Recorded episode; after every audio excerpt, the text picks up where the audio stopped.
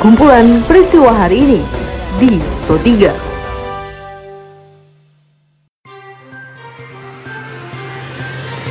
Halo pendengar, selamat berjumpa kembali di podcast Pro 3 RRI dengan kumpulan peristiwa apa saja yang terjadi pada hari ini.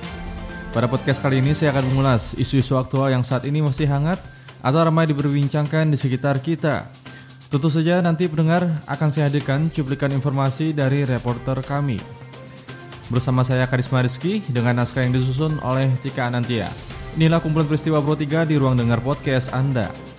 Dan pendengar, sebelum saya masuk ke dalam beberapa isu aktual yang akan saya hadirkan sesaat lagi, saya akan mengundang Anda untuk mampir ke laman berita kami di rri.co.id. Anda juga bisa memfollow kami melalui sosial media di Instagram, Twitter, dan Facebook dengan mengetik at Program 3 di kolom pencarian Anda. Masyarakat banyak dikejutkan dengan naiknya tagihan listrik saat penerapan pembatasan sosial berskala besar atau PSBB. Dalam laporan reporter ini Khairani, Direktur Niaga dan Manajemen Pelanggan PT PLN Persero, Bob Syahril, mengatakan memang dalam kurun waktu tiga bulan terakhir, penggunaan masyarakat meningkat dan PLN tidak pernah menaikkan harga sejak Januari 2017. Pada waktu kita PSBB, maka yang terjadi adalah masyarakat diminta untuk stay at home. Artinya, pola kehidupan kita berubah total, termasuk juga pola kerja kita dan pola belajar belajar kita.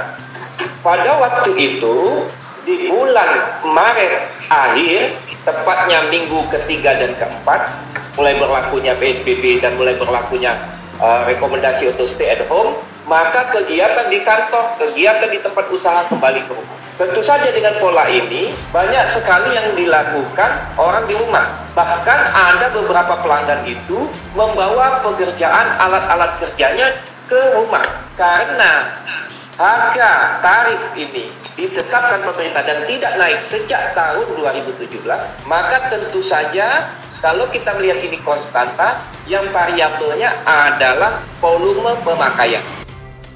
Dan pendengar, informasi selanjutnya ini merupakan perkembangan kasus dari penangkapan mantan Sekretaris Mahkamah Agung Nur Hadi. Tim penyidik Komisi Pemberantasan Korupsi KPK terus mendalami dugaan korupsi di Mahkamah Agung yang melibatkan dirinya. Penyidik KPK telah melakukan pemeriksaan ke beberapa orang saksi. Salah satunya adalah pegawai Mahkamah Agung Kardi SHMH.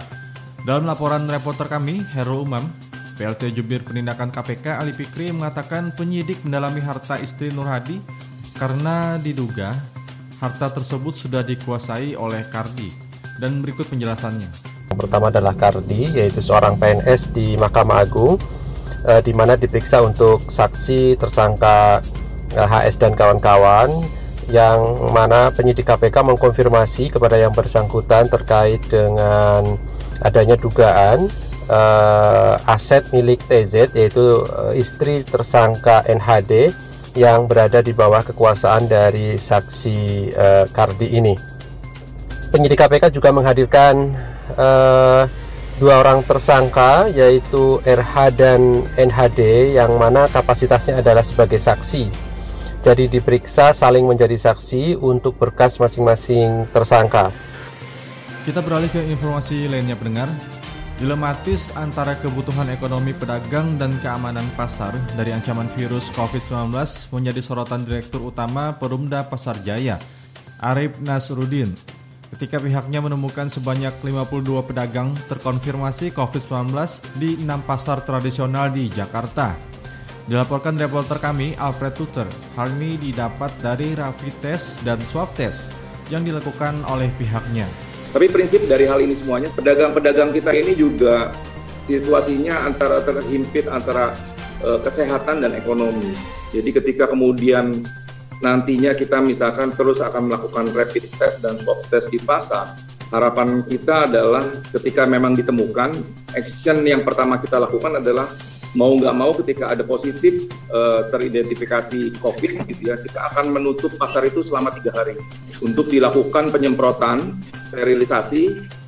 Dan pendengar dalam tiga hari terakhir, masyarakat kota dan kabupaten Bima mengalami kelangkaan gas LPG subsidi 3 kg.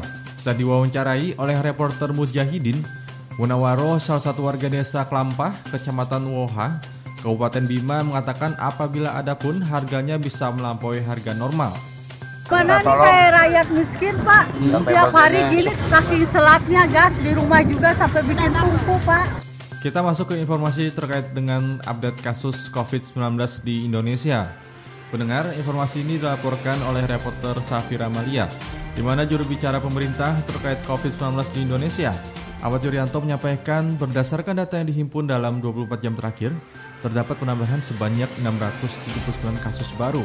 Jumlah ini turun dari penambahan kasus terbaru kemarin yang mencapai hingga 1.241 kasus. kita mendapatkan data konfirmasi positif COVID-19 sebanyak 979.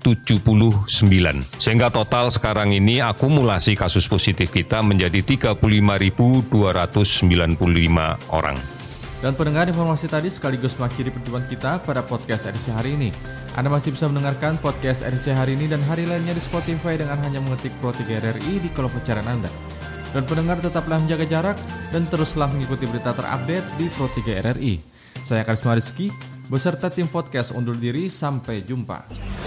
Perjalanan ibu kota DKI Jakarta masih tidak Kumpulan peristiwa hari ini di Pro 3